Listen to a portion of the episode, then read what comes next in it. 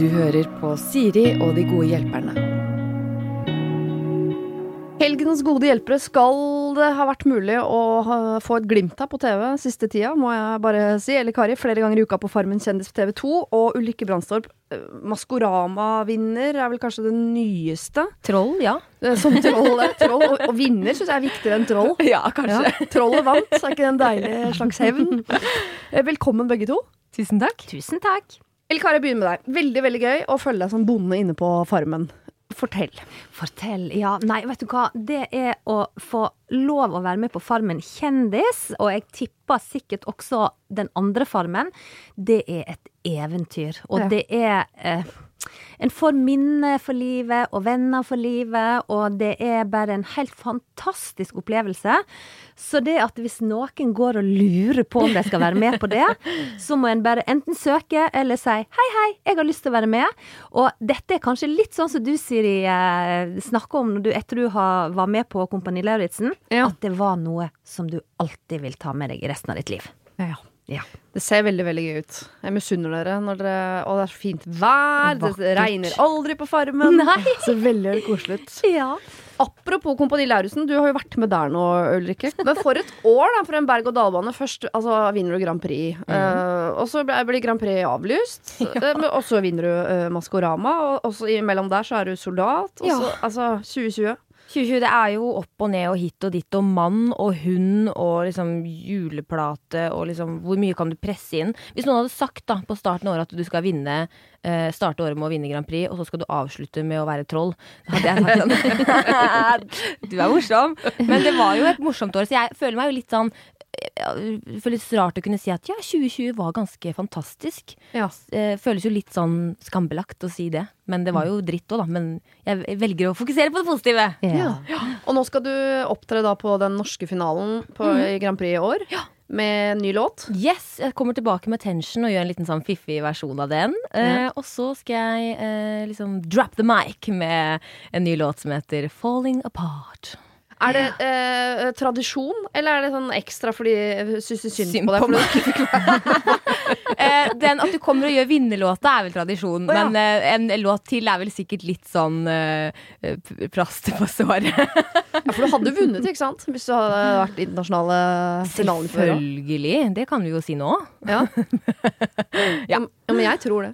Jeg tror kanskje det var at vi hadde plassert godt. Ja. Eh, Europa elsket jo låten. Den, jo, den lakk jo på internett som før eh, den skulle ut, og de var jo helt gærne. Elsket den. Jeg var jo i den rumenske finalen og sang på TV der, og sånn, fordi fansen hadde ordna det og sånn. Um, så jeg tror den hadde gjort det veldig, veldig godt. Eh, men det er jo nok, får vi bare liksom, kan man jo si, da, at den hadde nok vunnet. Det hadde han nok.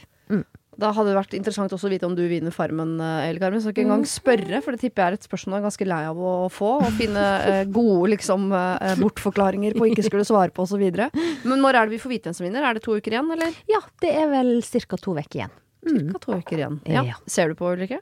Du, jeg eh, gjør faktisk ikke det. Eh, jeg har ikke kommet meg dit ennå. Eh, så akkurat nå er jeg på Kamp Kulinaris. Det er jo mye å se på om, da. og The Voice og Grand Prix òg. Men jeg kommer meg dit, så helst ingen spoilere her nå, takk. Nei. Nei. Eller Kari er med, da. Såpass, det, Såpass jeg har jeg fått med meg. Såpass, Jeg har fått noen overskrifter. Mm. Nå har jo eh, Elle Kari solgt det ganske greit til oss, så kanskje vi møtes der oh, neste år, Ulrikke. Jeg er med. det? Mm, jeg blir den da den irriterende positive som du kommer til å bare Det kommer ikke jeg til å bli. Helt sikkert ikke. Ok, dere skal ta et uh, problem fra en som uh, Og det er litt koronarelatert, for dette er et problem jeg tror ikke ville ha dukket opp i livet hennes hvis ikke, osv. Hun skriver Jeg er en dame på 43 år som annenhver uke bor helt for meg selv. Og jeg er over middels sosial, så jeg pleier å fylle den uka jeg er alene med så mye som mulig. Men den siste tiden så har jo det vært litt begrenset. Jeg har vært eh, flink pike, holdt meg til noen få relasjoner, og har dermed da vært sammen med noen få, og det har blitt mer TV og tur enn konserter og restaurantbesøker. Men da, vi kommer oss jo gjennom. Spørsmålet er om vi kommer oss gjennom som venner. Eh, Hun jeg er mest sammen med, har vist seg å være ekstremt irriterende i store doser. Jeg har alltid tenkt at hun er gøy i sosiale lag. Hun har meninger og morsomme kommentarer. Ikke så opptatt av å være korrekt som mange andre. Og det livner opp litt, har jeg tenkt. Men nå som jeg er mye på tomannshånd, merker jeg at jeg blir lei av den konstante strømmen av surmaga kommentarer om alt og alle. Det er noe galt med absolutt alt, og hun sier det med glimt i øyet, men søren heller, kan hun ikke si noe hyggelig av og til, da? Jeg har holdt meg lenge, men nå har jeg begynt å si fra. Så nå har vi blitt to gamle gretne kjerringer, der hun sier surmaga ting, og jeg arresterer. Og det er noen sirkel. Men den onde her er jo på en måte henne. Og hvordan skal vi komme oss ut av denne sirkelen? Er det jeg som må slutte å arrestere, eller kan jeg få en til å slutte å være så sur? Og så har hun listet opp en hel haug med eksempler, og det er gøy, for begge dere er på en måte en, eh, til en viss grad nevnt i, i eksemplene på ting de kan sitte og kommentere. Blant annet om game Hun syns alle Grand Prix synger surt, for eksempel. Og da sier eh, venninnen sånn Nei, men nå må du gi deg, det stemmer jo ikke. Og på Farmen, maken til sur type han derre Espen, da, sier hun. Nei, virker ikke han som en ålreit type, sier jeg. Og sånn holder vi på. Kall oss Sura og Pirkepinnen. Skjønner dere stemningen som har dukket opp mellom disse to, eh, som jo var så gode venninner før koronaen? Absolutt. Hva gjør man med det? Uh, jeg er jo veldig fan av eh, direkte, klar tale. Ja. Uh, jeg er jo sånn som Hvis det er noe sånn ugler i mosen blant vennene, så ringer jeg og sier hei, hei, hei. Nå er det på tide at vi liksom finner ut av det greiene. Jeg liker ikke dårlig stemning og sånne ting. Jeg er veldig var på det. Mm. Uh, så ta tak i det.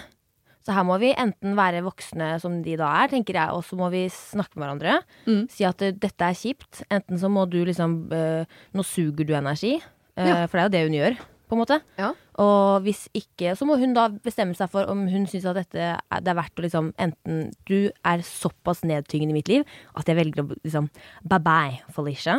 Ja. At det, altså, sånn, det tenker jeg det er den eneste løsningen. Hvis hun ikke er villig til å liksom være mer positiv og ikke suge energi, så må hun ta det valget, da. Hvis det er så jævlig for henne å være med henne. ja. Da er det noe å ta en annen kohortvenn. Men, ja, men det er jo personligheten hennes. Altså, kan godt kalle henne sur, men det er jo på en måte bare sånn hun er. Får man gjort noe med det, ja? Ja, jeg tenker jo det at en må prøve å finne ut av hva er det som gjør at hun eh, sitter og eh, kritiserer andre hele tida. Så jeg tror kanskje jeg hadde tilnærma meg og spurt liksom du, du, hva er det, har du det bra, hva, hva er det som gjør at du ser så mørkt på det meste? Ja. Og så kunne hun kanskje vært litt sånn som du sier, eh, ærlig å si at vet du, før vi ble sånne koronavenner, så syns jo jeg at du var morsom og hadde liksom gode kommentarer og sånn, men jeg merker jo det at det ofte er disse kommentarene dine eh, veldig negativt eh, relatert. Ja. Hvorfor det? Og så kan jo hun fortelle, da. Kanskje hun bare Det, er jo ikke sikkert at hun er sånn hele tida. Det kan jo hende at det er av situasjonen, korona, og så ser hun bare mye mørkere på livet. Ja. At det er grunnen. Jeg tenker at hun bare har hengt seg opp. Ja. Det har på en måte vært hennes eh, sjargong eller hennes Ja. humor hele livet. Har vært sånn, jeg sitter jo sånn, jeg ser på TV, sitter jo og plukker på de tingene jeg syns er dårlige. Det er på en måte bare en blitt en sånn oppgulp man kommer, liksom. Ja. Jeg kan jo skjønne at jeg kanskje kan bli irriterende store doser hvis alt er dårlig og dritt, og ingen er flinke, og ingen får til noen ting, at jeg- Så jeg skjønner stemninga mellom disse to damene. ja. Men jeg vet ikke om jeg har helt trua på at øh, hun kan få venninnen sin til å bli mindre sur. Nei. Jeg tenker jo litt sånn alle Jeg kanskje i den fasen av livet hvor jeg på en måte har innsett at noen vokser man fra, da. Ja. Eh, at liksom eh, Kanskje de funker i små mengder. Mm. Men ikke At man må bare innse at vi skal ikke treffes så ofte. Vi trenger litt pusterom. Mm. Ja, for det er vel lov at Man har jo noen venner som man trives veldig godt sammen med på tomannshånd, og så er det noen som man tenker sånn Vi fungerer bedre i større grupper. Ja, det er sant. Ja, Mm. For hun høres jo litt sånn gøy ut borti periferien der. At du kan sitte borti et hjørne og slenge noen kommentarer. Ja, for men, vet du hva, jeg ville tenkt sånn hvis noen sa Hvis vi var en gjeng, og så noen kasta ut av seg Å, fy fader, alle som er med i Grand Prix i år, synger surt. Da hadde jo jeg rulla meg rundt og ledd meg i hjel, for at det er jo Det faller jo på sin egen urimelighet. Du er liksom ikke med i Grand Prix hvis du synger surt, tenker jeg da. Og da tenkte jeg å gud, så. Det var jo en morsom og veldig kontroversiell uttalelse. Men hvis jeg hadde blitt pepra med det hver eneste Ja. gang vi satt over en kopp kaffe, da, da hadde jo jeg blitt litt mer sånn Hallo, dette Så det er jo tydelig at dette kan funke som en sånn kontroversiell tullekommentar på et vorspiel, Ja. men ikke å bli tuta ørene fulle av det på tomannshånd. Da har man jo valgene, litt eh, det, din retning, Ulrikke, som er å, å sette seg ned og på en måte ta opp dette her. Sånn, du må slutte med det. Jeg orker ikke være sammen med deg hvis du skal holde på sånn. Ha en ordentlig prat. Fade henne ut. Enten helt ut, eller bare at man uh, omgås når man er i større grupper. Uh, var det flere alternativer? Det er vel bare de. Ja. Enten Ja. Det. få henne vekk, eller få henne ned i antall møter. Ja. Eller ta en sånn skikkelig prat. Ja. Men den skikkelige praten har ikke jeg så Jeg har ikke så trua på den. Nei, det kan Jeg tror ikke hun kommer til å forandre seg. Jo, men hvis ikke det er det at hun Noen ganger så trenger å få det litt i fleisen, da. Ja, kanskje det. Altså du går og tråkker i din egen dritt. At du trenger liksom Å ja, jeg, å ja, det er ikke innsett at kanskje det er sånn jeg er akkurat nå. Mm. Hvis det er en periode i livet, da, fordi at eh, man sitter mye hjemme og livet er litt kjipere enn vanlig. Ja. Så noen ganger trenger man å høre det. Ja, det er sant. Hvis man har hengt seg opp, så er en Mm. bøtte kaldt vann i fjeset faktisk akkurat det man trenger noen ganger. Absolutt. Ja. Vi skal inn på et uh, soverom. Slapp helt av, vi skal ikke ned dit ennå, men vi skal faktisk dit eh, om ikke så altfor lenge. Bare å stålsette seg. Her står det. Kjære Siri og de gode hjelperne. Jeg trenger virkelig deres hjelp. Jeg er en jente i 20-åra som har et problem som har irritert meg månedsvis. Jeg bor nemlig i kollektiv, der mitt soverom er vegg i vegg med naboen sin stue. Jeg har ikke møtt hun som bor der, annet enn kanskje tre ganger sånn uh, i, uh, i gangen de årene jeg har bodd der. Problemet er at hun ofte, og da mener jeg ofte, hører på høy musikk med mye bass. Enten starter hun på kvelden og hører til langt ut på natta, eller så har det hendt at hun setter på musikk tidlig om morgenen. Noen ganger kan jeg høre hvilken sang det er, men det er bassen altså som er mest irriterende. Nå har det gått så langt at jeg, jeg klarer ikke mer. Jeg føler jeg konstant hører dunking i mitt eget hode, og dette går utover søvn og konsentrasjon når jeg sitter hjemme og studerer. Som dere sikkert har skjønt, så har denne aggresjonen bygd seg opp i lang tid, og det har kommet et punkt hvor jeg nå ligger i sengen, jeg får ikke sove. Jeg banker i veggen, og da hender det at hun skrur av musikken. Og det skal sies at egentlig skal det jo være ro her klokka elleve i dette bygget, men eh, det er bare jeg som merker dette problemet, tydeligvis. Jeg kan jo ikke drive og slå i veggen hver kveld, så jeg må kanskje finne en måte å si det til henne, og det er et problem for meg, for jeg er veldig konfliktsky når det kommer til fremmede, og jeg vil jo helst ikke banke på for å spørre om hun kan skru ned musikken. Jeg tenkte jeg kunne prøve å si ifra hvis jeg møter henne i gangen, men ut fra statistikken på hvor ofte det skjer, så kan jo det ta sin tid. Samtidig vil jeg at, øh, ikke at hun skal vite at det er jeg som driver og hamrer i veggen når hun spiller musikk, for jeg vet ikke om jeg, det egentlig er innafor å gjøre det. Jeg har vurdert å skrive lapp og legge i postkassa, men er redd for at jeg fremstår som den sure naboen. ja, det. Eh, Så hva skal jeg gjøre? Jeg trenger noen gode råd fra dere. Hilsen en irritert jente dere kan kalle for El- Eline. PS. Denne mailen ble skrevet klokken halv ett om natten fordi det kommer musikk fra naboen. Ja. Hun er sint. Og, sint og konfliktsky. Ja, og fy fader, det kjenner jeg meg ganske godt igjen i, for jeg òg kan være sånn ekstrem konfliktsky eh, i mange tilfeller. Men eh, å herregud, da holdt jeg på over lang tid med dette her og mista søvn. Ja, det er jo dette går jo problemet. ikke. Ja. Ja, dette går ikke. Jeg kjenner meg så igjen i begge sider av saken, da, på en måte. Eller sånn, fordi at der, eh, under Stjernekamp så eh, drev de på natten og fjernet asfalt utenfor vinduet mitt under hele Stjernekamp-perioden. Ja. Det var også veldig sånn eh, tøft. Ja, Eh, og eh, jeg måtte bo på hotell og sånn, for jeg, bare, jeg fikk jo ikke sove. Det er sånn da, da, da, da. Eh, Men så har jeg også noen naboer, naboer som spil, har begynt å spille mye musikk i det siste, og så har jeg tenkt sånn, begynner jeg å bli gammel? Nå Ja. som jeg liksom Oi, jeg har blitt en sånn en ja, som syns det er irriterende. Begynner jeg å bli gammel? Men så er jeg også den midt på dagen da som gjør 18 burpees eh, på stuegulvet. Ja. Og tenker at jeg har noen under meg. Ja. Som sikkert, Jeg er sikkert ikke så elegant i nede i landingen, tenker jeg. Nei. Så det er vanskelig. Eh, men jeg syns jo at eh, når klokka er 11, da eh, bør vi jo ta litt hensyn.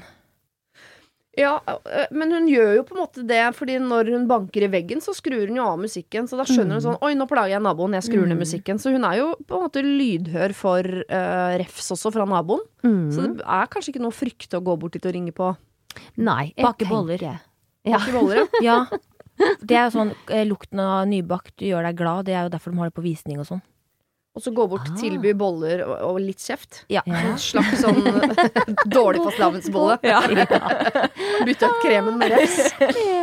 Ja, kan øh, være hadde, Du som sier at du er Ja. konfliktsky, eller Kari, hadde du turt det? Gå bort, banke på? Um, jeg tror hvis det hadde gått på nattesøvn løs, så hadde jo jeg gått og gitt beskjed til slutt. Men jeg hadde jo ikke sånn kjefta og smelt. Jeg hadde bare fortalt stille og rolig at, eh, at det er plagsomt, at vi hører det veldig godt. Og de aller fleste tror jeg hadde tatt imot den beskjeden med at en blir litt sånn pinlig berørt. Men herregud, du skulle jo sagt ifra for lenge siden. Ja. En ønsker jo ikke å plage naboene sine. Uh, og i og med det som du òg var inne på, Siri, at uh, når hun har banka i veggen, så har hun på en måte reagert med å skru ned. Da viser det seg jo at det er jo ei som ikke ønsker å plage andre.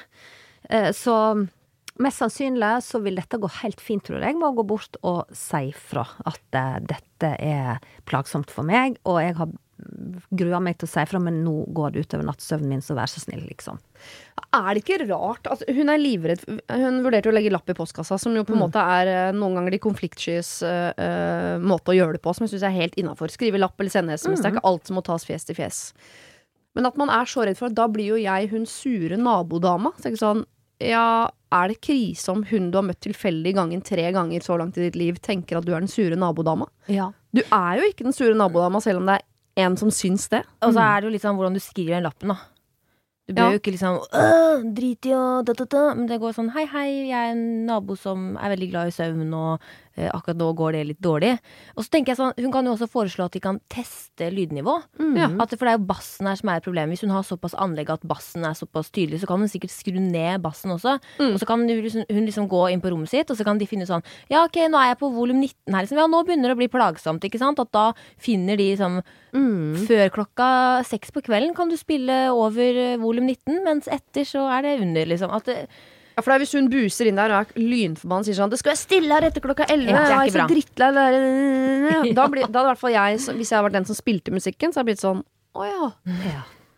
Følg med, nå, nå skal jeg spille musikk! Nå, nå skal jeg begynne å spille korpsmusikk til klokka fem om natta. Mm. Hvis hun går bort bare, kanskje med de bollene, men bare er litt sånn ydmyk og hyggelig sånn 'Jeg studerer hjemme, og du veit åssen det er', og øh, kanskje du ikke er klar over Men det går an å stille bassen ned, og Så er det ikke sikkert hun syns at du er den sure naboen. Nei. Nei, og så tenker jeg at det, det som du sier i stad, Siri, det er sånn typisk konfliktsky symptom. Nemlig grunnen til at du ikke sier fra, er at du er redd for at eh, noen skal synes at du er den sure nabokjerringa. Um, og så er jo da essensen Er det viktig at en skal være likt av alle, og er det viktig at en skal være likt av en som en engang ikke kjenner?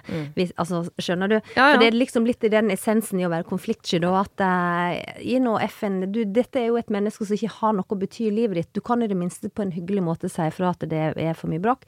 Fordi hva folk du ikke kjenner mener om deg, er det så nøye? Er en du ikke kjenner som du Nei. egentlig ikke liker engang, basert på at det er hun som tar fra deg nattesøvnen. Ja. er Ja. Men hun skal like deg. Det er veldig viktig. Ja. Men gjør det på dagtid, ikke sånn klokka halv ett når du er forbanna og ikke vil sove. Du må passe på at dette er, du må være rolig i sjela di. Absolutt. Mm.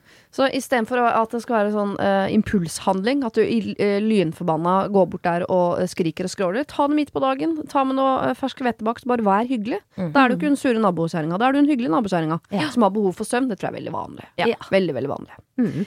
Jeg sa det i stad, vi skal holde oss i senga. Eh, Jeg beklager det. Altså Hadde dette vært lørdag kveld og vi hadde tatt noe chableis og kost oss, hadde det sikkert vært helt streit å snakke om. Vi har akkurat truffet hverandre, vi tre. Det er midt på dagen. Drikker bare kaffe. Ja. Men vi gir et forsøk. Kom igjen. Ok. Hei. Jeg har datet en helt fantastisk dame nå i fem-seks måneder. Vi har det helt fantastisk på alle områder. Vi ler oss halvt i hjel når vi er sammen, og når vi introduserte barna våre for hverandre, så gikk de rett inn i den nye storfamilien og rollen. Men, og det er alltid et men, når det kommer til sengehyggen, så er det i utgangspunktet bra, men jeg får ikke gitt en orgasme. Og med fare for Øres innbilsk gutt, så har dette aldri vært et problem for meg før. Og for at jeg skal føle at vi har et bra sexliv, så må jeg klare å gi henne det. Og jeg har prøvd alt. Når hun fikser seg selv, ja, så tar det null tid, så dette går utover min mannlige følelse og min selvtillit, og er faktisk så ille at det nesten har blitt en deal-breaker for meg. Hun sier at eh, dette har ingenting med meg å gjøre, det er ikke noe feil med meg. Så spørsmålet er, eh, for meg er det å gi kvinnen den totale nytelsen ekstremt viktig. Hun sier det ikke er viktig for henne, at hun elsker det vi gjør på soverommet. Jeg digger dama, men jeg vet ikke om jeg klarer et samliv jeg med en jeg ikke klarer å gi den totale nytelsen. Er jeg bare en idiot, og bør jeg bare stole på henne, eller skal jeg gi opp hele prosjektet? Med vennlig hilsen en frustrert kar på 38. Ja. Dette er et problem for han, ja. Ja. Ja. Ikke for henne. og så tror han vel at det er et problem for henne også, selv om hun sier at det ikke er det. Det Ja. stoler ikke han noe på. Men du, da jeg tenker han her karen på 38, han eh, bør kanskje gjøre et dypdykk i kvinnens kropp. Fordi at det, det er langt ifra alle kvinner som oppnår orgasme noen gang i sitt liv.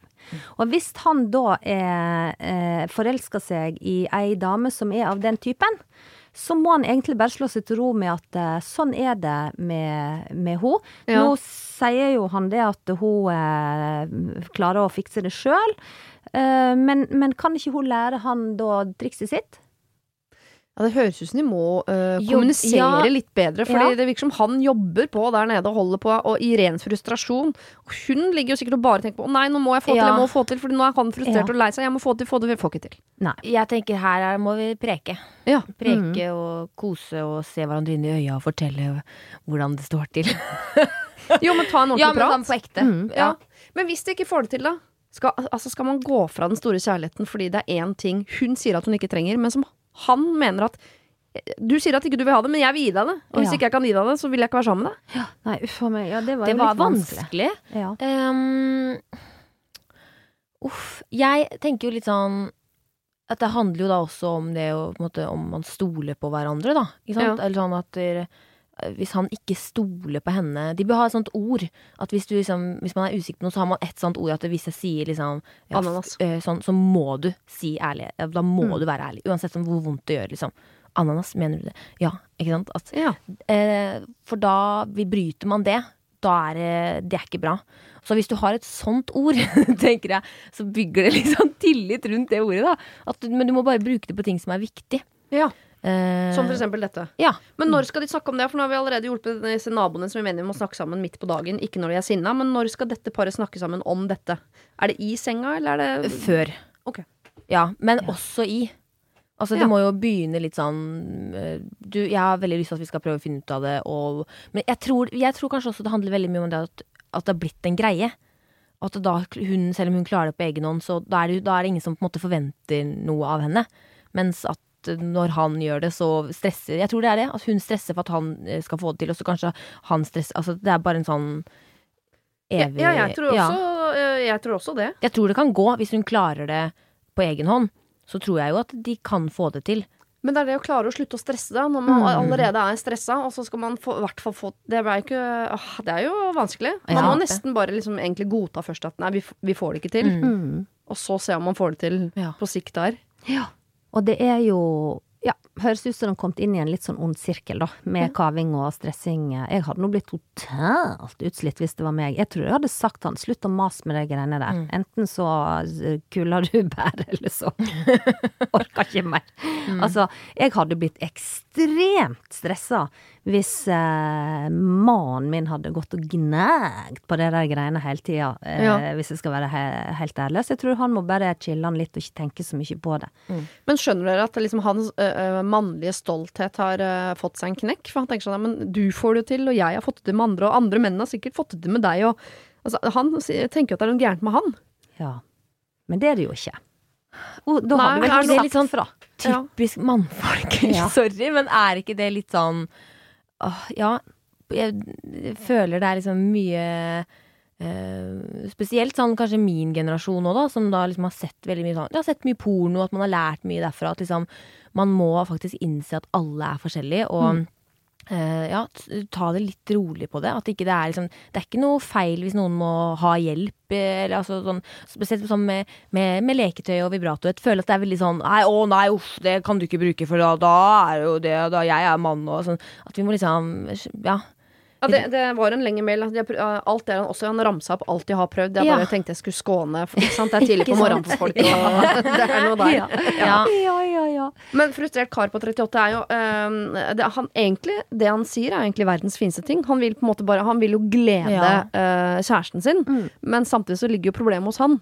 Fordi øh, hun har ikke problemer med dette, sier hun, og det burde han jo stole på, for det har hun antageligvis ikke. Og så går det på stoltheten løs hos han. Ja. Og så blir det eh, dårlig kommunikasjon rundt det, og så blir, ja, så blir det mas og gnaging, Ja. og det, det blir ikke bra. ja. Men de skal jo ikke gå fra hverandre. Nei, Nei. jeg syns ikke det. det, det hvis barna kommer overens, og jeg tenker jeg må heller tenke at han er, hvis han er flink med hennes barn, og at liksom det er noe mandig over det, og flott, liksom, og heller liksom tenke på de tingene, da. Ja. Mm.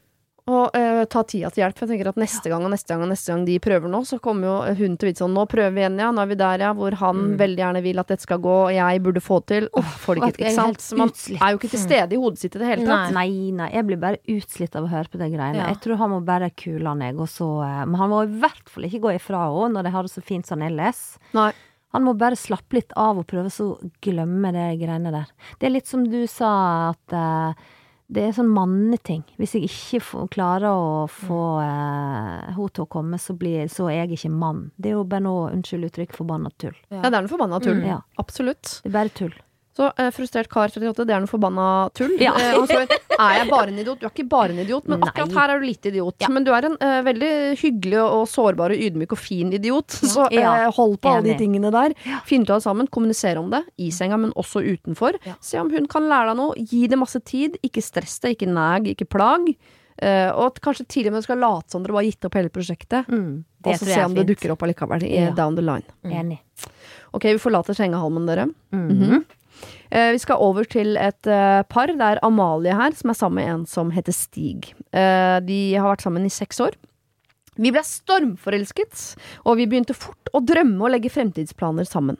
Han sa at han kom til å fri innen tre år, og vi snakket om hus og barn. Og jeg har sett for meg tre barn, han kunne strekke seg til to, så da var planen lagt for fremtiden, da, med både fullføring av studier, arbeidsliv, kjøp av hus, ekteskap og to barn. Det var viktig for Stig at vi begge hadde fullført studiene og fått etablert oss i arbeidslivet før vi skulle starte familielivet. Jeg er 34, han er 39. Så til problemet. For ca. et år siden sier Stig at han ikke ønsker to barn allikevel. Han kommer selv fra et relativt dysfunksjonell familie, og han mangler trygge rammer og gode omsorgspersoner rundt seg som barn. Samtidig vet han hvor viktig det er for meg, og han sier at han kan strekke seg til ett barn. Jeg blir fortvila, men merker at han har bestemt, bestemt seg på dette, og at dette er ikke noe å diskutere. Da forteller jeg at jeg tror ikke jeg kan fortsette dette forholdet om man ikke ønsker mer enn ett barn. I tillegg har vi nå vært sammen i snart seks år uten noe frieri, og jeg er av den tradisjonelle typen som ønsker et frieri fra mannen. Så jeg anså dermed forholdet som over, og ble knust. Men så. Stig han kontrer da jeg er på vei til å flytte ut for å begynne på et vikariat i en annen by. Da sier han at jeg kan få et barn, og hvis det går fint, så kan jeg muligens få to. Det er nå ca. et halvt år siden. Jeg valgte med dette å gi han en ny sjanse, og vi blei enige om å fortsette som avstandsforhold mens jeg jobbet i vikariatet mitt. Nå har jeg bodd borte fra han i et halvt år, og det har vært ganske turbulent, der diskusjoner om barn, ikke barn, antall barn stadig er grobunn til diskusjon. Og Stig vil ikke bekrefte barn i fremtiden. Jeg har ikke så mye tid igjen til å se hva som skjer, jeg, jeg ønsker en avklaring fra Stig nå. Ved et eventuelt brudd så er jeg redd for at jeg ikke vil finne en mann som vil ha to til barn med meg innen det er for seint. Eller at jeg eh, ender opp med å slå meg til ro med en som ikke er like bra som Stig. For vi er tross alt veldig glad i hverandre og har det fint når vi ikke har det turbulent. Så kjære Siri og dine gode hjelpere. Skal jeg gi dette forholdet en sjanse? På forhånd takk. Hilsen Amalie. Eh, Dette var også en, en uh, Knausgård-roman som jeg har uh, kuttet ned. Så hvis den virker i stikkordsformat, uh, så ikke la det gå utover Amalie. Det er bare min skyld. Ja. Ja. Hun Altså- vil ha masse unger. Han Ja. kanskje en. Kanskje. Nei, men vet du hva, Eh, jeg må bare si, min ryggmargsrefleks da, ut ifra det du leser, det er bare kutt han ut og finn deg en mann som har lyst til å ha en stor familie. Det er liksom deg. Men så sier jo hun helt på slutten at de har det jo veldig fint sammen og er veldig glad i hverandre. Uh, når det ikke er turbulent. Men hallo, jeg har vel ikke hørt om noen som maser sånn om unger. Altså sånn, ja, jeg vil ha to eller tre. Det høres jo ut Ja. som det er liksom at en møtes og så planlegger en eh, giftermål og barn og hele framtida. Ting skjer jo litt eh, etter hvert som det skjer, da. Men det som skuffer meg med han eh, Stig, det er jo det at han midt oppi dette her plutselig ombestemmer seg. Og da hadde ei alarmlampe lyst litt hos meg, da. Jeg er helt Ja. enig. Jeg føler han har liksom bare ridd på den bølgen og ja, ja, ja, og så tar jeg det senere, for at jeg har jo ikke lyst på barn i det hele tatt. Liksom, slapp av, altså, det ordner seg. Men når jeg har det på kroken, så er det jo eh, liksom, Jeg føler at og veldig sånn jeg kjenner meg også igjen det at man er så forelska og sånne ting, at man velger å liksom se bort. Man velger å liksom Ja, men det går fint, det går fint fordi at Men jeg er jo sånn som har bestemt meg som veldig tidlig i livet at jeg skal aldri være avhengig av en annen manns penger, være av, avhengig av en manns kjærlighet. At liksom ah, Det må ikke gå på bekostning av deg sjæl. For du skal leve ditt liv, da. Eh, og hvis du drømmer så mye om et barn, og så er det noe med det å, å skulle få barn med et menneske som ikke har lyst til å få barn heller, det er ikke en god start. Det redder ikke forholdet, tror jeg. Nei. Uh, min, min mor, for eksempel. Hun eh, eh, De hadde Mamma og pappa fikk to barn, og så hadde mamma Angra skikkelig. Eh, de angra etter tredje.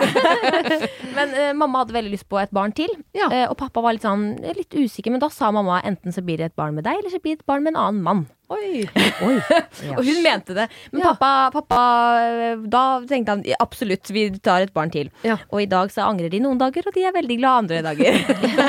det var meg. Ja, men, men de er fremdeles sammen, Du, de er fortsatt gift. Ja, men da har vært sammen siden mamma var 16. Men pappa var ikke sånn at han ville ikke ha barn i utgangspunktet. Ikke sant? At det, det var jo litt mer sånn bare Er du sikker på at vi skal ha Nå har vi fått to friske barn. Liksom, ikke sant? At liksom øh, Men eh, ja, så jeg tror øh, hun må Nå må hun kjenne litt på seg sjæl. Jo, for jeg tenker, Selv om Stig er veldig sånn ja, ja, ok, to Nei, ett. Nei, ingen. Ok, ett.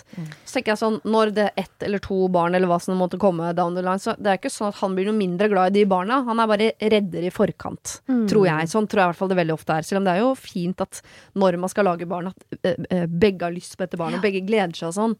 Eh, sånn er det jo ikke alltid. Men jeg tror nok at Stig kan bli en vel så fin pappa og vel så glad i barna sine som alle andre, men det er noe med at man Jeg liker jo ikke engang å, å trumfe gjennom at vi skal ha nye spisebordstoler, liksom. Og så skulle trumfe gjennom sånn Ok, jeg veit at du ikke vil ha unge, men det vil jeg, så her kommer den. Ja. Nei, det har man ikke noe lyst til, altså. Nei, en har jo ikke det.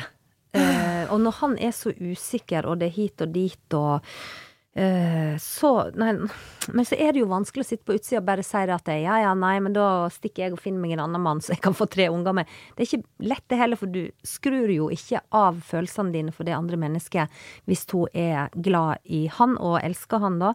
Så det, det er søren meg litt tricky, det der. Men han må slutte å vingle. Ja. For det er jo vinglingen han som er problemet her, tenker jeg. Ja, og han har jo en oppvekst som fortid som gjør at han vingler. Så det er jo ikke helt uh, Altså, det er jo forståelig at øh, Men han man bestemmer tenker som jo han tenker. også liksom selv hvordan man Selv om det har vært uh, kronglete, så kan jo han bestemme seg for at liksom, jeg skal ha det annerledes, da. På en måte. At liksom Han kan i hvert fall prøve. Mm. Uh, og jeg bare tenker sånn hvis jeg hadde vært henne, da, så hadde jeg kanskje da vært litt sånn usikker på Ok, jeg trumfer litt gjennom at vi får barn nå, og øh, sånn blir han, da? Eller sånn, altså, hvis han skjønner at nei, det, det, her ville jo ikke jeg. At liksom det da Jeg, jeg, jeg syns den er vanskelig. Ja. Eh, jeg, eh, og så tenker jeg sånn, ja, hun har det veldig fint med han, men det finnes også ekstremt mange flotte mennesker der ute. Jeg tror f.eks. ikke at man har én sjelevenn. Absolutt ikke. Jeg tror man har ekstremt mange sjelevenner, og så en eller annen gang i livet må du velge. Du må ta et valg, liksom. Nå har jeg valgt deg. Jeg har bare lyst til å lese en setning om igjen, Ja. som står her. Eh, vi er veldig glad i hverandre og har det veldig fint når vi ikke har det turbulent. Ja, det, alle har det jo fint når de Ja. ikke har det dårlig. Altså, så det er liksom Ja. Det går ikke an å si. Det er annerledes. Jeg har det veldig bra når jeg ikke har det dårlig. Sånn, sånn er det bare.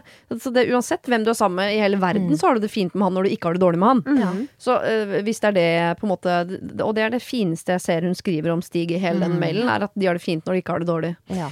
Så øh, jeg mener ikke at øh, Amalie skal gå fra stigen nødvendigvis. Jeg bare tenker sånn etter seks år, og det er veldig turbulent De bor ikke fra hverandre, de begynte sammen, nå bor de fra hverandre.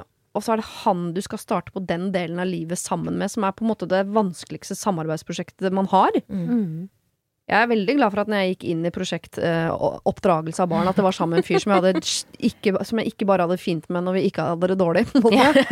For det, det, blir litt, det blir jo litt dårligere der. I noen Ja, svinger og så er fint eh, Ja, nei, jeg, jeg, jeg er usikker på Stig, ass. Ja, Sorry. ja. Nei, min ryggmargsrefleks er Nei, han må du faktisk bare legge på hylla, og så må du finne deg en annen.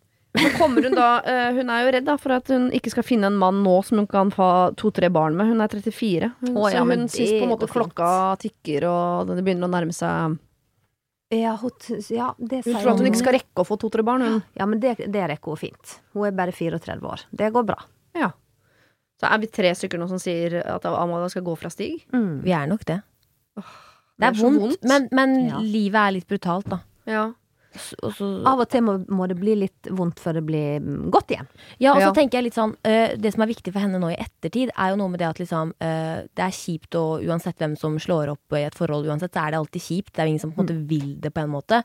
Um, men jeg tenker nå er det veldig viktig at hun lar seg selv liksom innse at det, er over og det er kjipt. Mm. Men så må hun veldig bevisst sånn i hodet sitt liksom, dette er valget jeg har tatt selv. Og Ja. ikke grave seg ned i den spiralen Ja. at jeg kommer aldri til å finne noen, og å, det var han og Men så, dette jeg gjort, og nå kommer det til å bli bra. Ta vare på deg sjøl. Liksom. Jeg er veldig sånn positiv innstilling. Dødsviktig. At hun Ja. liksom For da øh, vil nok kanskje den andre, en annen skjelven dukke opp. Hvis du liksom er klar. Mm. så kom jeg på en ting også, øh, som jeg kom på nå, fordi eh, hun har jo begynt å diskutere dette med barn veldig tidlig. Egentlig. Mm. Ikke sant? Fordi det virker som de omtrent var sånn Hei, hva heter du? Stig, Amalie, hyggelig. Hva tenker du om unger i giftermål og de greiene der? Ja. Jeg vet ikke om det var sånn, men det bare virker som alt det kom litt. Så det kan hende Ja. at det på en måte maset eller presset i hans hode har skapt en litt sånn, en litt sånn ekstra motstand. Mm. Så kan nok hende at hun bare skal liksom slappe av litt også på hele eh, prosjektet når skal vi gifte oss, Ja. når skal vi få unger, og at du må være tydeligere med han også, for han, ja, han er vinglete, men hun lar han jo være vinglete, for hver gang Ja. han er nei, så blir hun med på det, og når han er ja, og så er hun tilbake, og så Mm. ikke sant? Hun kunne jo prøvd å være ganske eh, Altså vært strengere med han, og sett Ja. hvordan han reagerer på det. Mm. Strengere, og, og ikke liksom hele tiden snakke om framtida og unger og giftermål og sånn, selv om nå etter Men- seks år, så ja. Ja, Var hun ikke streng når hun holdt på å flytte ut? Jo, da var hun ganske streng, men så sa han men det jeg kan, ja, ja, Før du eh, pakker snippsaken helt der, ha, kanskje et barn kan du få. Ok. Så er det Jeg, nei, det, jeg, nei, gå. Sorry. Ja. Ja, jeg, sorry, jeg, nå prøvde jeg Amalie virkelig med Ja. alt jeg hadde. Men det virker som uh, uh, folk her ikke, vi er ikke så glad i Stig, altså. Mm, mm. Selv om han er en veldig fin fyr når han ikke, ikke er det. Så eh, Amalie, du har god tid til å få barn. Det er masse sjelevenner der ute. Eh, Stig vingler, og jeg tror ikke det på en måte er mannen å begynne den delen av livet sammen med, dessverre. Nei. Har du problemer selv, send dem inn til siri at radionorge.no. Hei, Siri og dine gode hjelpere. Jeg har et problem. Jeg er en 22 år gammel jente som bor i et stort, fint, nyoppussa kollektiv. De fleste jeg henger med her, er sånn to til fire år yngre enn meg. Og jeg føler meg ganske voksen. Jeg har bodd i dette kollektivet i syv år, og mine tidligere venner, altså de hun bodde med da, før de hun bor med nå, er fire til åtte år eldre enn meg igjen. Og jeg føler jeg har vokst mye på det. Eh, altså, vi drev med strikking, politikk og natur og de tingene der. Problemet nå er jeg føler at mine nye og yngre venner opplever meg som veslevoksen og bedrevitende. Selv opplever jeg meg som det motsatte. Jeg har aldri vært hun smarte, jeg ønsker bare alle vel. Men jeg har en følelse av at dette stammer, stem, stammer fra at jeg har et begrenset ønske om å shotte Bacardi Razz og høre på russemusikk. Jeg vil heller ja, tømme en treliter og strikke litt, kanskje. Jeg føler ikke at de verdsetter meg for å være en reflektert dame, og bare mener at jeg er bedrevitende uansett hva jeg sier. Skjønner dere typen? Hvor gammel var hun igjen? Eh, hun er eh, 22. Så Ja. de andre som bor der, er jo da 18 til Det er en sånn sårbar periode i livet Ja. hvor på en måte det er veldig, kan være veldig forskjell. Ja. At du er liksom klar for å ja, russemusikken og drekka drekka, pule, spy og slåss, på en måte. ja. Eller så er du, har du akkurat bikka over den at liksom, jeg er litt fornøyd med å være ute og sjekke, sjekke og kan ja, like å ta det litt rolig. ja. Så jeg skjønner veldig godt at den uh, differansen skjer her, med de menneskene. Så jeg tror kanskje hun har bare vært litt uheldig med de hun bor med nå. Ja, men hvordan, De må jo kunne klare å leve altså, Farmen er et slags stort kollektiv der veldig mange mennesker må liksom bare lære seg å, å, å like hverandre. Og samme Kompani Lauritzen, for den saks skyld. Man må jo bare De ulike alderne og alt som er der inne. Man må på et eller annet tidspunkt bare klare å, å godta å komme overens. Eller er det umulig? Jo, en må jo bare på en måte ta hverandre for det en er, da. Um, jeg tenker jo det at det kanskje hun her, eh, 22-åringen um, At kanskje ikke det er helt sånn som hun sier. For at de som er 18 og som holder på med russesangene og sånn, de er jo veldig klar over at hun er en del år eldre og kanskje var, vært russ og har vært gjennom den fasen, da. At, eh, at de tenker at hun er jo litt eldre enn oss, og dermed har hun kanskje et litt annet fokus enn oss. At de kanskje ikke oppfatter henne som en besserwisser eller en sånn no. altså innom hele tida ding, ding, ding, sånn skal det være. Jeg tror det hadde vært litt annerledes hvis jeg, jeg bare tenker på meg sjøl. Hvis jeg var 18 år, og den 18-årige gamle venninna mi skulle være litt sånn eh, Ja, sånn er det treg og kjedelig og strikk og drikk og alt det der. Mm. Men hvis den fire år eldre gamle venninna mi, som jeg visste hadde vært russ for eh, fire år siden, og som er tatt et steg videre inn i studentverdenen, eller kanskje til og med har en jobb, så hadde jeg akseptert det på en helt annen måte. Ja. Ja, for jeg tenker, Det er ikke sikkert de oppfatter uh, deg som uh, bedrevitende, men jeg tenker bare måten du sier sånn Jeg har et begrenset ønske om å shotte Bacardi Rass og høre på russemusikk. Hvis man har den holdningen til Hvis de er fire stykker som bor i et kollektiv som syns det er helt supert å høre på russemusikk og drikke Bacardi Rass, så er det klart at hvis det kommer inn én da som er sånn Herregud, holder dere på med det ennå? Ja, uff da. Åh, Nei, nei. vet du hva. Nei, da er det mye bedre å strikke og drikke rødvin. Så hadde jeg blitt sånn Ja, men vet du øh, øh, Nå hadde vi det gøy med de greiene her. Ikke kom og Og, og det handler ikke om å være bedrevitende. Det handler bare om at Ja, men nå Vi er i en fase. Dette er gøy. Jeg tror ikke de syns hun er bedrevitende. Kanskje hun syns hun er litt sur. Ja, Ja. vet du hva. Det, det var et veldig godt poeng, Siri, når hun sier det. Jeg har et begrenset for Nei, gud, jeg hadde blitt rasende fornærma hvis noen hadde kommet inn og sagt det til meg mens jeg shotta Bacardi Rass. Ja, for. For hvis de var en gjeng som satt og drakk treliter og strikka, så kom det inn én og skulle høre på russemusikk og drikke Bacardi West, det hadde blitt like gærent. Ja, det det er jo den ene som på en måte Selv om man skal godta alle, så blir det sånn hvis man er en gruppe som er enige om noe, så kommer det én inn og skal omvende gruppa. Mm. Nei. Nei, Gruppa skal omvende den ene. Men det er det jeg tenker litt med at uh, alle kollektiv er kanskje ikke en god blanding, da. At, uh, jeg, jeg, jeg, mener seriøst at uh, når det er såpass tydelig at det er en overtall At kanskje det ikke er ditt rette kollektiv. Mm. Tenker jeg, da. At det er lov å Jeg er enig med deg. Ja. Ja, Men kanskje man du- skal flytte videre. Liksom, ja, sånn som de andre. For Ja. de var jo en gjeng med folk som strikka og drakk rø- rø- rødvin og hadde det helt topp, liksom. Ja. Så Ja. du må jo øh, finne tilbake de folka der. Ja, jeg tror det, altså. Vet du, jeg er helt enig. Jeg Man hadde er rett, ulike gjenger. ja, jeg Ja. hadde rett og slett flytta. Jeg hadde flytta inn til noen som var åtte år eldre enn meg selv, hvor jeg kunne være den unge, eh, vi, vi, virile, crazy dama som drakk vin og strikka, mens de andre da drikker kaffe og leser aviser. Jeg vet ikke. Men jeg tror jeg hadde flytta. Helt enig med Ja. deg, Ulrikke. Flytt. Ja, Fordi jeg tror uh, også her at det, det er et større problem at hun ikke liker rollen hun har fått i kollektivet, enn at de andre ikke liker den rollen hun har. Jeg tror ikke det, egentlig de har så mye problemer med det, men hun syns det er en har fått en litt sånn rar rolle. Ja, hun er i neste epoke av livet, hun. Ja, da må hun uh, flytte videre, rett og slett. Det, Eller bare godta det. Ja, det går. Ikke dømme når de hører på russemusikk. Sette seg et annet sted, strikke og Høre på lydbok. Ja, ja. Og så når sønnen kommer, kanskje det er deilig å ligge bare i fanget hennes øh, mens hun snakker om livet. Ja, Kan ja. hende. Kan hende. Ja. Ja. Nei, det er en tid for alt. Jeg tror kanskje ma- nå er vi, øh, vi er litt slemme denne helgen her, dere. Vi ber folk slå opp og flytte, og det er veldig, veldig kontant, men sånn er det noen ganger. Hvorfor dropper flere gutter enn jenter ut av skolen? Hvorfor begås 70% av alle selvmord av gutter og menn? Og hvorfor blir færre gutter og menn diagnostisert med psykiske lidelser? Ikke fordi de ikke har problemer, men fordi de ikke ber om hjelp. Vi må snakke om gutta. Hei, eh, Oskar. Det er eh, Siri som lurer på om eh, du har et problem da ute. Ja, det har jeg. Nå har jeg fått inn en melding fra en som heter Gunnar. eh, og Han skriver at eh, han er en mann på 34 år som aldri har hatt et skikkelig forhold.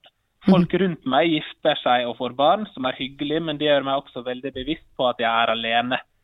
Eh, det rare er at jeg trives med å bo alene og være for meg selv. Under pandemien har dette endret seg, for nå velger jeg ikke selv å være alene. Det er pålagt. Pga. det har jeg begynt mer og mer å bekymre meg for om dette er fremtiden min. Når alle har familie og lite tid til å treffe meg, blir dette som pandemien resten av livet mitt. Ja. Burde jeg forsøke å treffe noen? Og så skriver han også at til info så er han sånn midt på treet utseendemessig og litt småsær på enkelte områder. Eh, han er også en fyr som ikke orker å tilpasse seg folk for at de skal like han. Men han føler at han må ta noen avgjørelser nå for å slutte å tenke så mye på det her. da.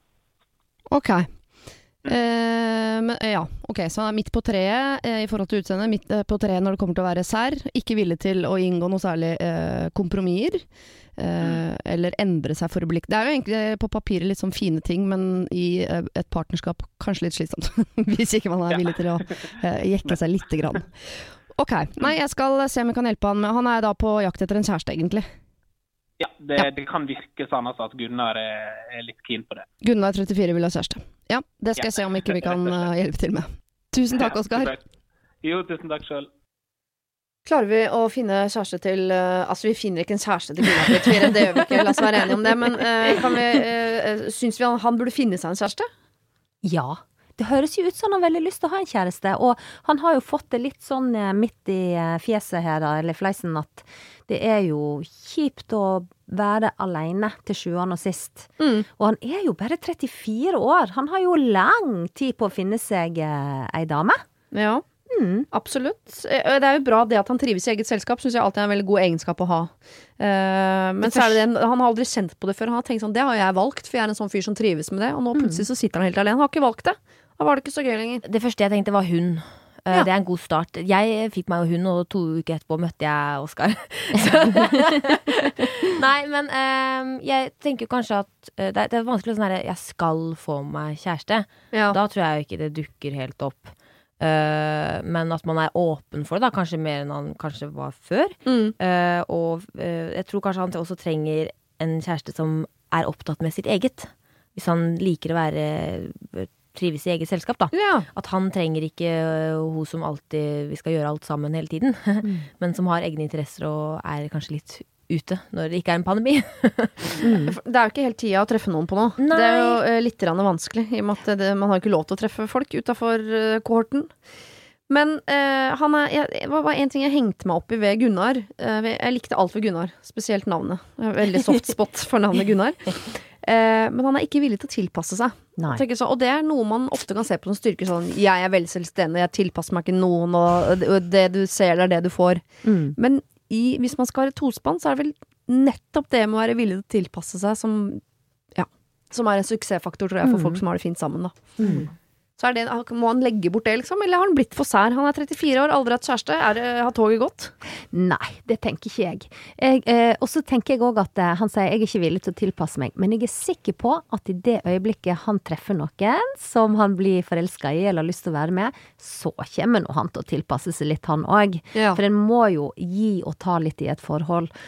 Og jeg tenker hvis han skal gå inn i et forhold, eh, eller en sånn datingfase, hvor han liksom ikke skal tilpasse seg noen ting, ja, men da er ikke du godt nok forelska, tenker jeg. For hvis du er glad i en person, så ønsker du jo å glede den personen på et eller annet vis, da. Mm. Eh, Så dette tror jeg er bare sånne sære singelfakta, at han sier det. Som forsvinner som dugg for solen når han treffer eh, den rette. Ja, kanskje ikke som dugg for solen, men i hvert fall at han eh, Is på ruta, på en Som dårlig is på ruta, ja, med en litt sånn kald bil. Men han kan jo ha blitt litt sær av å være uh, alene i 34 år, så kan man ha tillagt seg noen, noen litt sånn sære ting Ja, som må plukkes bort. Ja, Eller? ja. Absolutt. Og så bare det å kanskje innstille seg litt på at liksom ingen er perfekte. det at Ja. liksom man må ja, ta det litt som det er. Ja. Men kanskje få seg en hund først? Jeg, jeg bare, tror det, ja. altså. Det er noe med det å gi sånn for min del, så var det Jeg er sånn veldig selskapssyk, da, men trives i eget selskap. eh, og liker å være sånn, Og sikkert noe med at jobben er veldig sosial, så jeg liker også det å liksom komme hjem og være alene, men jeg liker ikke å være alene. Ja. um, og trengte rett og slett noen å gi omsorg til. Gi kjærlighet til. Og liksom, så for meg var hun liksom Jeg fant en ro, jeg, i sjela. Ja. Vet du hva, jeg tror du har det sånn som meg. Du liker ikke å være alene, men du liker å få være i fred. Og du liker å kunne ha, ha ikke så mye sånn forventninger og krav og spørsmål rundt deg. Ikke sant? Men det, er, ikke, det er ikke at det ikke skal være andre folk der. Nei. De må bare de må bare være Vær stille. Ja. Ok, alle har sine ting. Eh, vi har troa på at Gunnar 34 får seg kjæreste, og vi tror at han er villig til å tilpasse seg når den eh, rette kommer. Og vi tror også at, eh, at det kan være fint for å kanskje få seg en hund, øve litt på å, å være to. Eh, måtte tilpasse seg noe, og gjennom det kanskje treffe den rette. ja, for gå i hundeparken. Der skjer det. Ja. Ja. Og jeg skulle til å foreslå eller katt, men det er ikke så Nei, ta en hund. Ja, hund Ja. er best. Hvis han bare var for at han var ensom, så kunne han like seg tatt katt Ja, det kunne han, men hvis han skal treffe noen, så er det større sjanse å treffe en annen med hund. Ja. Kanskje. enn med katt. Ja. Vi skal over til en voksen dame som skriver. Hei, jeg er en voksen dame med tre barn, hvorav den eldste er en jente i tenåra. Jeg vet ikke om noen dagens av dagens hjelpere har tenåringsbarn. Jeg kan uansett hilse og si at det byr på sine utfordringer, men jeg biter i meg. Det var ikke så lett å ha med meg å gjøre heller, kan jeg huske. Men jeg husker også en følelse av å ikke få støtte og anerkjennelse hjemme. Jeg fikk alltid bare beskjed om å ta meg sammen. Alle følelser var hysterisk, og all motstand var trass. Som om ikke jeg var et menneske. Jeg bestemte meg for at sånn skal ikke jeg bli. Jeg skal lytte til mine barn og se dem for den personen de er, og ikke bare for alder og faser. Men tilbake til dattera. Hun er en kreativ sjel, lett påvirkelig og med masse guts. Hun vil bli popstjerne. Har alltid sunget og underholdt familien, men nå satser hun alt på denne retningen. Jeg vet ikke hvor mange timer hun bruker hver dag på TikTok. Ja. Problemet er at jeg ser ikke et snev av talent her. Mange yrker kan man jo lære seg hvis man jobber hardt, men bør man ikke ha et visst talent for sang hvis man skal synge? Ikke ser hun ut til å ha noe interesse for å skrive musikk heller, det er mer sminke, klær og posering det går i. Så hvis det er kjendis hun vil bli, ja, så er det jo mange veier dit, men den popstjernedrømmen Jeg vil nødig ta den fra henne, men jeg ser jo at hun bruker opp mange av sine beste år på å drive med noe som ikke kommer til å bli noe av. Så skal jeg, som mammaen hennes, knuse drømmen. Hilsen mor Therese. Ja. Faen meg Hun skal det. Ja, Ja da. Nei, vet du, jeg eh, eh, Når jeg hører dette Jeg har jo en gutt på 15. Mm. Eh, og når jeg hører dette her, så hører jo jeg eh, Eller jeg kjenner meg litt grann igjen, da. Nå er ikke det popstjerne han holder på med, men han holder jo på med denne gode gamle gamingen, så sikkert mange eh, kjenner seg igjen i. Så han skal bli Som proff gamer? Ja, han Vet ikke, Det var nå ei stund at det var en greie, men, eh, men eh, nå er jo han blitt 15 òg, da, så han eh, har jo lagt en yrkesretta plan, kan du Ja, si. ja. Men det er jo litt sånn jeg, jeg i hvert fall sier til han, og har sagt, at det å bli en gamer som skal kunne leve av det, det er veldig, veldig, veldig få som blir. Det er veldig mange som drømmer om det, og en skal ha drømmene sine. Men det å slå igjennom og, og bli Ronaldo da, på fotballbanen, eksempel. Tenk deg hvor mange tusen det er i fotball, så breddeidretten, da, som ikke blir noen ting av, anten at de får eh, komme i god form, da, på én Ronaldo. Det er Mm. mange tusen som, som står på. Og jeg tenker det at det, å være litt realistisk Nå vet ikke jeg hvor gammel hun tenåringsdatteren var, om hun var 13 eller om hun var 19 eller hva hun var da, men å gi en liten realisme i det at det, uten å si at hun ikke har talent, eller at hun ikke ser at hun liksom Men si det at det, det å bli popstjerne, det er det én av mange tusen som blir. Mm. Du må gå for drømmen din, men du må ikke bli knust hvis ikke det går. Nei. Det tror jeg jeg ville ha sagt, og gitt det lite grann realisme i det. At legg en plan B, det sier jeg til alle, om det er venninne eller Og her er vi så uenige. Ja, for, har, har du foreldre som har uh, heia på deg Ja, hele veien? Uten tvil. Men da Eh, så du vel et talent, for det hører man jo i det øyeblikket du åpner munnen. For det var det det jeg skulle eh, sånn fram til. At der er vel på en måte skilnaden. Ja. Sånn, ikke at jeg, nå, jeg var veldig god, det var ikke det jeg skulle fram til nå. Men eh, jeg kom jo fra et, eh, også et hjem hvor eh, mamma drømte alltid om å studere juss, og begynte ikke å studere juss før etter jeg var født. Eh, sånn at liksom, hos oss er det aldri for seint. Vi kommer fra en sånn, og, og, og skal du bli eh, popstjerne, da, så kan du ikke holde på med en plan B også. Du må ha kun én plan, og hvis det ikke går og du gir deg, da kan du jo begynne med det andre. Mm. Men her er jo det eh, Hvis hun hadde vært kjempeflink, da, Ja. eh, så hadde jeg sånn sagt gønn på for alt det er verdt. Ja. Studere kan du gjøre senere. Men eh, jeg vil heller ikke at eh, hun skal utsette seg for å eh, Jeg er ikke heller noen fan av at man skal si 'Å, du er kjempeflink', og så tenker hun 'Ja, jeg melder meg på Idol', og så står man der, og så eh, Så jeg hadde heller eh, Jeg tror jo litt på den brutal ærligheten. Ja, du ville heller sagt det. Du jeg, har vil- ikke talent. jeg ville heller sagt at øhm, øh, Men det, det er kjempevanskelig, da. øh, Å si, si liksom at du, jeg ser at du har en lidenskap for dette. Mm. Men igjen, er lidenskapen å, å synge og drømme om det, eller er lidenskapen å være kjendis i gåseøyne? Ja, mor her mistenker jo at det er kjendisdrømmen som er størst, da, i og med at det går mer i lipgloss enn i å skrive tekster. på en Ja. måte. Ja. Ja. Men jeg skriver hvem er heller det- ikke tekster, da. Nei. Men hvem er det best at knuser denne drømmen? da? Hvis den skal knuses, vil du få den knust av din egen mor, eller liksom av eh, Gunnar Greve i uh, Idol-panelet, på en måte? Foran hele Norge. Ja. Ja. Hvor vil du knuses? Ja, jeg, jeg er opptatt av denne realismen. Jeg tenker Ja. at det, Hvis jeg hadde sett et snev av talent som gikk an å, å på en måte utvikle, Mm. så hadde det jo aldri snakk om å, å si at ikke du skal få fortsette med dette. Men hvis en ser at det, ja, sant, og så plutselig sto en der på Idol, da, så får du deg en traumatisk opplevelse fordi at du hjemmefra har fått hørt at du var dritgod å synge, og alle andre i resten av verden mener at det er helt på trynet. Det er jo Ja, samtidig jeg de, Mange av de største talentene vi har, om det er i skispor eller hvor det er, så har de jo ofte foreldre som virkelig har stått og heia og ofra alt på siden der for at du skal nå drømmen din. Og det er jo også mange Jeg vet ikke om det er annerledes med sangen. Det er ja, Pølsa Pettersen, for eksempel, langrenns, eh, eks-langrennsløperen, sier jo det at jeg aldri har hatt et talent innen langrenn. Jeg har bare jobba mye hardere enn de andre og oppnådd ca. samme resultater. Hadde ikke talent i utgangspunktet. Og jeg tenker at selv om dattera di ikke kan synge og ikke nødvendigvis skriver musikk. Eh, mange som driver med musikk som ikke er dødsflinke til å synge. Det er det jo. Det er sant. Så eh, hvis hun virkelig står på, så kan hun vel likevel oppnå drømmen sin. Men da tror jeg også hun oppnår den selv om mor gir motstand. For jeg tenker sånn Å ja, du tror ikke jeg skal bli flink? Følg med nå. Ja. Ja, Enn om hun legger bare- bare seg bare ned liksom og gir opp. Spørsmålet hvor på tur er den stemmen? Ja, det er jo det, er det. det. som er Ja. kjempevanskelig. For at, eh, ja, du kan trene deg opp til å synge, men uh, er du tonedøv, så er du tonedøv, på en måte. Ja. Uh, så det er kjempevanskelig.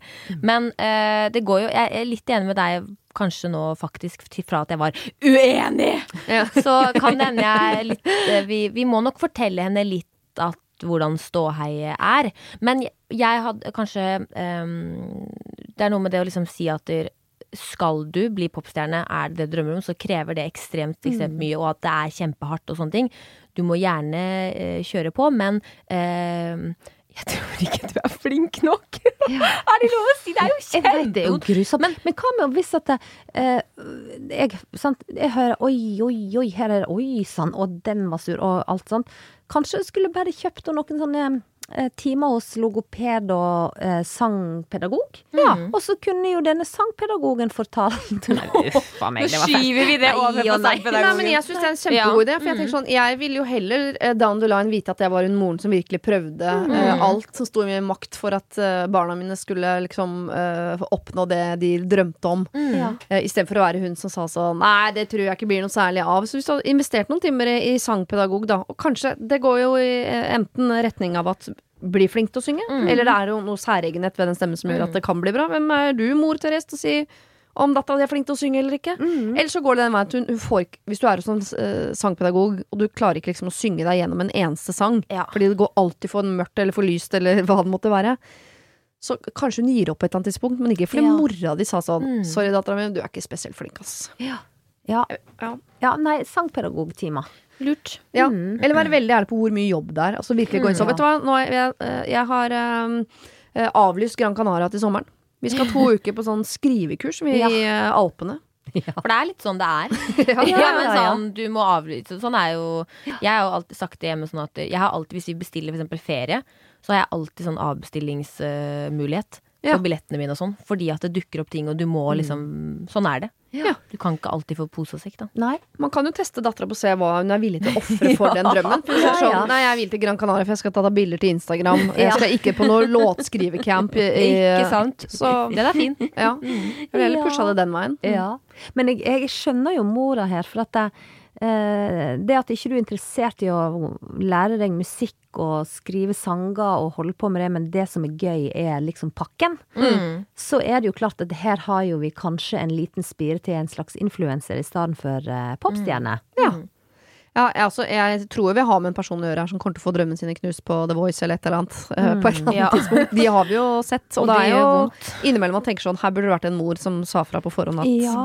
kanskje ikke jenta mi. Ja, for Ja. det er det jeg alltid sitter og sier når Ja. noen gjør noe sånn, er på en audition og liksom det er så tydelig at dette skal ikke du holde på med. Så sier jeg sånn å herregud, hadde jeg vært eh, her mora, så hadde jeg sagt ifra, liksom. Ja. Ja. Og da føler jeg det er litt det, det rådet jeg må gi, da. Ja. Jeg sier, sier eh, Men det, jeg er ikke mor. Jeg har en hund. Jeg også pleier å si det, men jeg, nå i retrospekt tenker jeg at jeg ville heller vært hun moren som Jeg hadde ikke blitt med på The Voice og sittet i sofaen og snakket med han Øyvind Munn, men jeg hadde hjemme så hadde sagt sånn Lykke til, jenta mi. Og så når hun kommer hjem igjen knust, så hadde jeg vært klar med eh, kringle og trøstende ord. Sagt sånn Her, hva skjedde? Stakkars deg. Ja ja, men du er jo også veldig glad i dyr. Jeg har meldt deg på veterinær. Ja. Noe sånt. Noe sånt. Men jeg eh, må jo si, og det har jeg sagt eh, ved flere anledninger når jeg har holdt foredrag og sånn, jeg er veldig glad for at Idol eh, og sånn ikke eksisterte når jeg var 16 år. For da hadde nok jeg vært hun på, ja. umusikalske damer, så, mm. eller jenter, som hadde stått der og sunget en eller annen grusom sang. For da hadde du valgt noe litt sånn Mariah Carey-aktig òg, ikke sant? Som gikk Ja, veldig ja, ja, ja, ja. Eller det der I wanna dance with somebody Og så, dun, dun, dun. Og så hadde mamma sikkert støtta meg. ja. Eh, og så hadde jeg fått den rett i trynet. Mm. ja. Åh, det, Det hadde jeg sikkert hadde jeg lyst til å se, merka jeg. Men Og det har vært nydelig. Nydelig. Uff, ja, eh, vi ser begge sider her, mor Therese. Vi har litt lyst til at du skal være hun som sier fra om at eh, hun kanskje burde legge en plan B. Mm. Eh, Men kan du klare å realitetssjekke drømmen hennes uten å knuse den? Mm. Bare heller liksom legge til rette for at andre gjør det for deg på et eller annet tidspunkt. Betale sangpedagogen for Ja, det. Betale, si det. Eller legge til rette for at kanskje hun har et talent der som ikke du ser. Ja, Ikke det sant? kan jo hende. Selv om hun ikke skriver låt i dag, kanskje hun gjør det i morgen. Mm. Ikke knus den. Det er egentlig det eneste jeg sier. Ikke gå inn og si du er ræva. Du kan ikke synge, jenta mi. Legg det bort. Jeg har meldt deg på BI. Det går ikke. Nei, Nei. Og be, nei, uff. Et siste problem uh, rekker vi. Uh, det er fra en som vil at vi skal kalle henne for Kari. Det skal vi få til. Hun trenger noen råd for å klare å glemme. Jeg er uh, virkelig sammen med drømmemannen. Han er så god, raus og fin. Vi har et stabilt og fint forhold. Dere kan kalle han David. Kari og David, altså. Sammen har vi barn, vi har leilighet, vi har hunder, vi har alt. Og dette livet har jeg alltid drømt om, og jeg vil ikke bytte det ut for noe. Men så surrer hjernen det til. det kommer alltid sånn. Ja. Før jeg møtte min nåværende kjæreste, så var jeg sammen med en annen over flere år. Dere kan kalle han for Espen. Vi hadde et godt forhold og et såkalt snilt brudd. Og grunnen til dette bruddet var helt enkle ting som hadde ordna seg med tiden. hans. vi skjønte det bare ikke der og da. Byen vi bor i er liten, vi treffer på hverandre ved jevne mellomrom, og da er det god stemning. Jeg vil jo ikke bli sammen med denne mannen igjen, men jeg savner personen, bestevennen, og jeg opplever at det er gjensidig. Eh, Dette gjør at han ofte er i tankene mine. Jeg vil bare ha han i livet mitt, men det går jo ikke. Så hva gjør jeg da? Hvordan skal jeg klare å glemme dette mennesket? På forhånd takk for hjelpen! Tilleggsinfo, vi er i starten av 30-åra, og jeg og min forlovede har vært sammen i seks år. Ja. Må, jeg vil bare begynne med det, jeg, før vi begynner på hvordan hun skal klare å glemme Espen. Må hun det? Nei, Nei. jeg mener hun ikke må det. Nei. Hva er grunnen til at hun sier at jeg må glemme han? Har, eh, han forloveden, han eh, David, kan ikke han synes det er greit at hun har en eh, guttekompis? Jo, i en perfekt verden, så jeg applauderer det så innmari, men jeg, jeg bare hører min mann, som tilfeldigvis også heter Espen, jeg håper ikke det er han, komme hjem og sier sånn, vet du hva, jeg klarer ikke å glemme eksen, jeg. Jeg har ikke lyst til å bli sammen, altså, men jeg må ha henne i livet mitt. Kan vi bli bestevenner? Da tror jeg det satt en liten brems på det. Ja, jeg er enig med deg, Siri. Men jeg skulle ønske jeg var en som sa sånn, selvfølgelig, ikke noe problem, benet på middag. Jeg rører i gryta, kos dere. Mm, Jeg hadde hatt problemer. Jeg må bare innrømme, i min smålighet, at jeg hadde hatt problemer. Ja, men jeg er jo enig med Men jeg tenker sånn, hun, hun er veldig opptatt av at hun må ha han i livet. Eller er det bare det at hun, hun har liksom, føler skam over å liksom tenke på han i ny og ne? Jeg mener, han har jo, Espen har jo hatt en viktig del sikkert å gjøre i livet hennes, og er en grunn til at hun har blitt som hun er og diverse. At det er jo ikke feil å liksom tenke litt på han i ny og ne. Um, så lenge det ikke var et dramatisk brudd og ingen har gjort noe gærent, på en måte. Nei, kanskje hun bare skal unne seg å, å tenke de tankene, istedenfor hvis hun hver gang hun tenker de, tenker også fy, dette kan jeg ikke tenke på. Så Ja. tenker hun jo mye lenger på det. Jeg tror det. Eh, han eh, nye David tenker jo sikkert også på noen tidligere frøkner. Ja, Ja, der fikk du kanskje. planta den. ja. Ja. Men eh, før vi gir det opp helt, er fins det et parallelt univers hvor uh, Kari og Espen kan ha noe med hverandre å gjøre? Ja, men da tror jeg at Espen, og hvis Espen har en ny frue, at alle kanskje må det være med. Mm. Kanskje? Ja, hvor altså, Espen og David blir venner, og Kari blir venn med eh, nye Mm. dama til Espen osv. Ja. I hvert fall for å liksom sette stemningen, og at liksom det her er ikke noe mer enn at vi er venner, på en måte at uh, Mm. Jeg lurer også på hvor lenge var Espen og Kari sammen? Noen år. Noen år, ja. Mm. Jeg heier jo på at det skal gå an, da. Ja, vi har jo et godt eksempel i Petter Stordalen, da. Som er jo kjempegod kamerat med alle sine ekskoner, holdt på seg. Ja, ja. Og reiser på felles store, i hvert fall det jeg har lest om i sladrepressa. Ja. Eh, men om det stemmer, I don't know. Men eh, så, jo- det finnes jo folk som har det sånn. Sigrid Bonde Tusvik også. Henrik Thodesen, hennes eks, er jo innom å ta med seg ungene hennes i svømmehallen. Som, det er jo barn hun har da med hans eh, egentlig bestevenn. Ja. Så altså, det går an. Det går Men det er raust fra alle bauger og kanter. Ja, da må det være veldig raust. Og stole på hverandre. ja. Ja. Mm. De har sånn, noe sånn safe word at hvis vi sier stole på hverandre, så sier vi ananas. ja, ja. Ananas har preget denne sendingen. Jeg skulle til å si at du er veldig glad i sånne Ja. kodeord. Jeg kommer til å spise ananas i dag, for du har planta det i hånden. Men eh, eh, er det også et alternativ at de møtes? For det kan jo hende at hun ikke glemmer han fordi hun har romantisert den tiden de hadde sammen, og ser for seg hvor fantastisk de kunne ha hatt det. Det kan nok hende hvis hun setter seg faktisk ned og tar den kaffen med Espen og viser sånn å ja, altså var jo du egentlig innmari kjedelig. Og så har du, en du sitter jo hele tiden og, og piller deg på kinnet. Det syns jeg er litt usex. Mm. Altså, Ja. kan, det kan jo hende hun kan glemme han på den måten ved å bare liksom Men da må hun si det til David. Ja. Mm. Ikke noe sånn derre snike seg ut og luske kaffe. Nei. Det Nei, må bak være sånn kaffe, Du, jeg møtte på han noen ganger, og vi har snakket om at det var hyggelig å tatt en kaffe. Mm. Ja. Går det, det går fint, det, eller? Men er det lov med en liten hvit løgn? Jeg bare spør nå, altså. Eh, Jeg trenger ikke å si sånn Jeg klarer ikke å glemme eksen, jeg må ha han i livet mitt. Kan jeg gå og drikke kaffe? Nei. Jeg Nei. ikke da. Men kan du si sånn Du, det hender jeg treffer han eh, Espen som jeg var sammen med, som er utrolig hyggelig fyr, egentlig. Mm. Eh, og han sa sånn Skal vi ta en kaffe? Og så tenkte jeg sånn Ja, det er hyggelig. Men så kanskje ikke du syns det er så hyggelig. Så jeg sa nei til det. Ja. Men hvis det skulle dukke opp igjen, hva tenker du om det? Det går an. Men så har du den der eh, det er bedre med tilgivelse enn tillatelse. At du kan komme hjem en dag og si du, jeg tok en kaffe med han eksen min Espen. Ja. Og vet du hva? Nå skjønner jeg veldig godt hvorfor det var slutt. Ja. Jeg veldig glad for at det er meg og deg, David, og ikke Espen og meg. Ja. Jeg hadde følt på da, men For hvorfor fortalte du ikke meg det før du gikk? Men så tror jeg Ja, men hvis det er tilfeldig, for du ville jo ikke gjort det hvis du traff en venninne, så ringer du ikke hjem til typen din for å si sånn Nei, men det er jo ikke så tilfeldig, på en måte heller. Hun har jo tenkt på det. ja. Hun må jo, Det spørs jo om hun har tenkt å sende han en melding på Instagram ja. jeg på si, og si 'hei, skal vi ta en kaffe en da?' Eller om de møtes ute og så tar en kaffe. Her er det en vesentlig forskjell. Men hun sier jo at hun møter på han nå og da, Støtt og da er det alltid stadig. god stemning. Mm. Og da kan jo hun bare si du, vi skal jo gå og ta en kaffe, da. For da er det greit. Da er det greit. Det syns jeg. Ja. Da er det greit. For da kan hun komme hjem og si du, jeg møtte på han Espen, vi gikk og tok en kaffe. Ja. ja, det håper jeg min kjæreste også unner meg hvis jeg treffer eksen. Mm. Ja. At jeg kan få lov til å ta en kaffe med han. Selvfølgelig ja. skal jeg det. Det betyr jo ikke at vi ligger sammen. Nei, nei. Det er er, der er løsningen. Men ikke liksom hvis du skal sende han en melding eller noe sånt, og så planlegge. Da må du ta det opp må du det med David. Ja. Mm.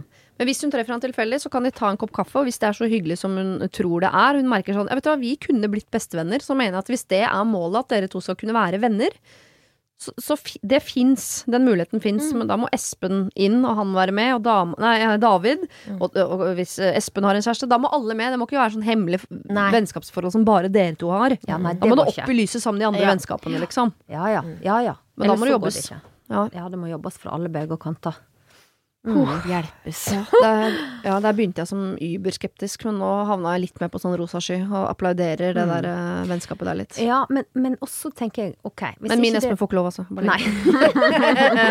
Hva sa du? Nei, ja, men jeg tenker er ikke, Det kan jo være greit å bare akseptere at eh, jeg liker Espen som en venn, Mm. men det blir for komplisert. Og så må rett og slett bare det som hun sjøl er inne på, hvordan skal jeg glemme han? Ja, men det er vi inne på det vi snakka om tidligere her, at da må hun bare tillate seg å tenke på han innimellom. Ikke gjøre det om til sånn Ja, greie, ja. mystisk mystisk greie, som, for da vokser bare Espen inn i hodet hennes. Ja, enig. Ja. Enten kaffe, nøktern kaffe i øh, dagslys, liksom, som alle kan se og vite om. Ja. Eller øh, slutte å straffe deg sjøl de gangene du tenker på han, og håpe at det da forsvinner med Ja. tiden. Enig. Lykke til. Tusen takk, Ulrikke og Elle Kari. Det har vært veldig, veldig hyggelig å ha dere her som mine gode hjelpere. Jeg håper du vinner Farmen, Elle Kari. Selvfølgelig. Og så uh, gleder jeg meg til å se deg i, i MGP-finalen. Gøy, gøy. Både med en ny versjon av Attention og med en ny låta som het Falling apart. Og vi skal heie. Ja, det er jo godt. Ja. Kai. Ha det! Ha det. Det var det. Husk å sende ditt problem til siri at radionorge.no om du vil ha hjelp. Denne podkasten er produsert av Klynge for Bauer.